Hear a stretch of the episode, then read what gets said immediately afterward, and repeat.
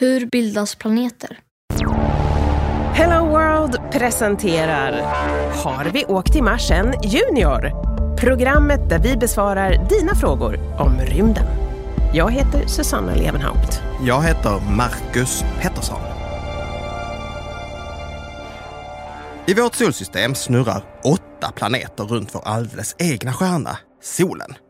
I vår galax, Vintergatan, finns det hundratals miljarder andra stjärnor. Och det går inte ens att räkna hur många galaxer det finns där ute i hela universum. Det är alltså väldigt många stjärnor där ute. Och nästan alla har precis som vår sol ett antal planeter runt sig. Men varför har de det? Hur bildas en planet egentligen? Vi bad Alexis Brandecker förklara för oss hur det går till med planetbildning. Han är astronom på Stockholms universitet och expert på just detta. Alexis, hur bildas en planet och ett planetsystem? Ja, eh, man tror att eh, planetsystem är en eh, effekt, eller en, en, en bieffekt kan man säga, av stjärnbildning. Eh, där stjärnor bildas ur stora gasmoln i galaxen. Galaxen är inte helt tom eh, vad det gäller eh, mellan, eh, utrymmet, rymden mellan stjärnorna kan man säga är inte helt tom utan där finns det gas och stoft. Och om det råkar vara så att det finns tillräckligt mycket stoft på någon plats så blir gravitationen så stor att den här gasen kan börja dra ihop sig. Tyngdkraften alltså hos gasen kan bli självgraviterande. Och eh, det som händer då är att eh, den blir tätare och tätare. Men inte bara det, utan den börjar även att rotera snabbare. Och det här har att göra med lagen om rörelsemängdsmomentets bevarande. Eh, det är samma effekt som eh, när en skridskoprinsessa eh, försöker få en, eh, göra en piruett. Hon eh, börjar med att långsamt rotera med händerna vitt utsträckta och sen så får hon upp fart, rotationsfart genom att dra ihop händerna och då får den upp farten. Rörelsemängdsmomentet är helt enkelt hur snabbt man roterar givet en viss massa. Så om man, har, eh, om man roterar så här och sen så drar man ihop massan, då börjar man rotera snabbare på grund av att rörelsemängdsmomentet ska vara konserverat eller ska vara samma. Och det här gör då att ju mer man krymper ett stort gasmoln, om du har en liten, liten rotationsrörelse i början så förstärks den och enormt. Så att den börjar rotera snabbare och snabbare ju mer man krymper den. Och eh, en stjärna är ju bra mycket mindre än ett, det stora gasmoln som den bildas ifrån. Och Det betyder att den här stjärnan skulle rotera otroligt snabbt. Men det som händer istället är att det bildas en skiva runt stjärnan ifrån det här gasmolnet som då eh, har det här rörelsemängdsmomentet i skivan. Och ur den här skivan så kondenserar så småningom planeterna ut runt stjärnan. Så först bildas själva stjärnan ur ett stort moln av gas Molnet drar ihop sig och snurrar snabbare och snabbare ju mindre och mer kompakt det blir. Men istället för att all gas samlas i en supersnabbsnurrande boll så bildas en skiva runt stjärnan. Solen är skridskoprinsessan och skivan är armarna som hon sträcker ut i luften.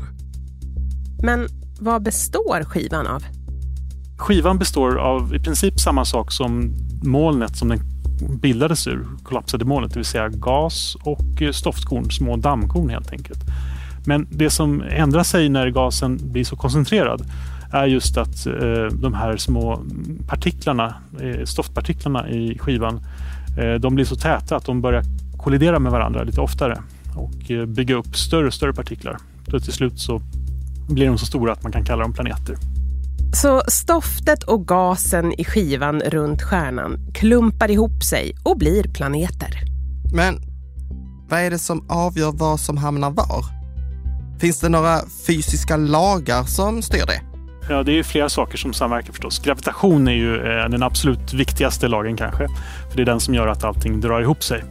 Eh, men sen har vi flera andra saker som, som påverkar. Till exempel är eh, stjärnan själv påverkar hur, hur skivan uppför sig. Framförallt gasen i skivan.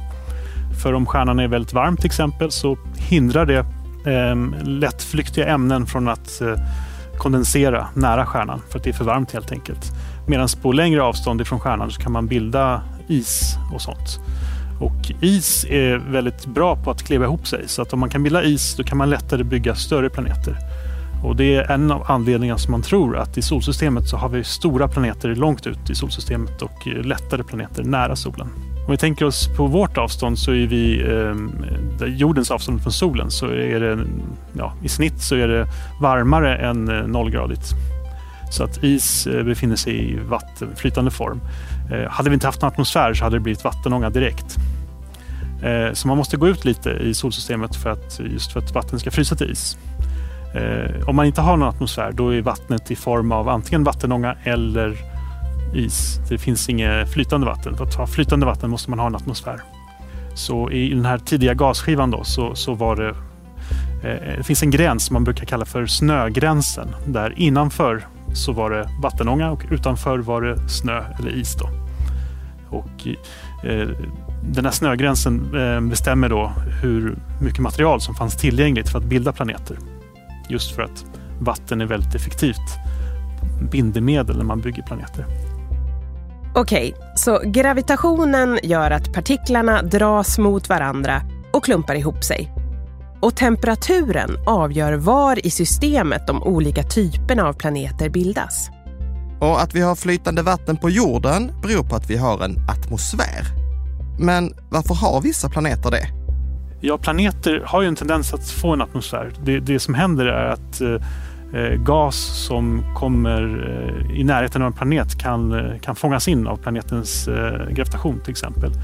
Eh, men just i olika planeter, det som händer är lite tvärtom. Att det är utgasning från planetens inre som, som under planetens tidiga bildande bidrog till att skapa den här atmosfären. På Jupiter och Saturnus som har enorma atmosfärer, de kan man nästan se som rena atmosfärsplaneter, men bara atmosfär, inte så mycket kärna att prata om. Eh, på de planeterna är det förmodligen så att eh, gasen samlades in av, av planeten. I början så byggde man en, en tung kärna och som var den tillräckligt tung för att samla in gas ifrån skivan. Eh, och den här gasen den bidrog sen till massan av planeten som gjorde att den blev ännu tyngre och var ännu duktigare på att samla in mer gas. Och så blev det en sån här process som en galopperande insamlingsprocess som till slut ledde till att de blev jättestora och jättetunga och hade jättemycket gas. Stora planeter bildas alltså långt ut i systemet eftersom det är kallare där, vilket gör att det finns mer material att bygga planeten av. Och ju tyngre planeten är, desto större blir gravitationen. Vilket gör att den drar till sig ännu mer. Och så blir det stora gas eller atmosfärsplaneter som Jupiter och Saturnus. Mm, till skillnad från hur det funkar här på jorden där atmosfärens gas alltså kommer inifrån själva planeten och hålls på plats med hjälp av vår lite mer måttliga gravitation. Okej, okay. men hur lång tid tar det här egentligen? Man kan säga att den första processen, den här första kollapsen, den går väldigt snabbt. Den kanske tar bara 10 000 år någonting. Och det är väldigt snabbt. Ehm, eh, och sen så eh, kommer någon slags jämviktsstadium där det går långsammare. Eh, och just eh, när den här stjärnan bildas och skivan och planeterna bildas ur skivan. Det är då en process som tar allt mellan några, några miljoner år till, några, till typ 100 miljoner år. Men man kan säga i solsystemet så har det tagit uppemot några Eh, alltså jordlika planeter tar uppemot 100 miljoner år kanske att bilda.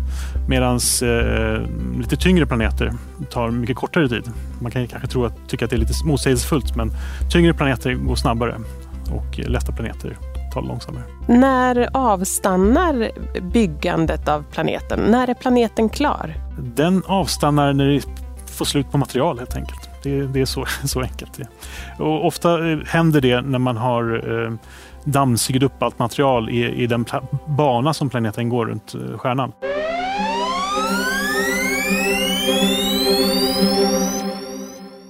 Så när en stjärna blir till skapas alltså en skiva runt den med material som i sin tur bildar planeterna. Hur långt ifrån stjärnan de olika planeterna hamnar beror på vilket material som finns just där. Generellt sett hamnar tunga planeter längre bort från stjärnan än lättare planeter.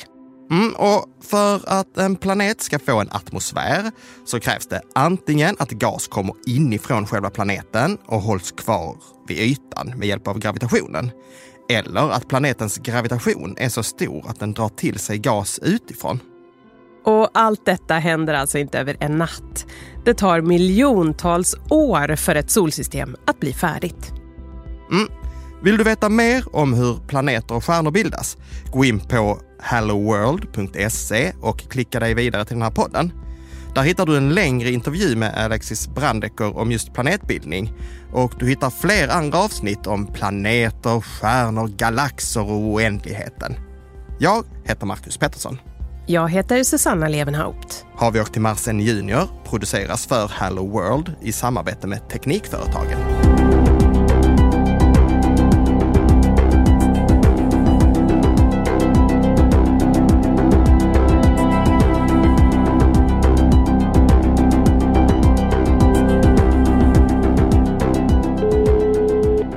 Hallå? Programmet gjordes av Rundfunk Media.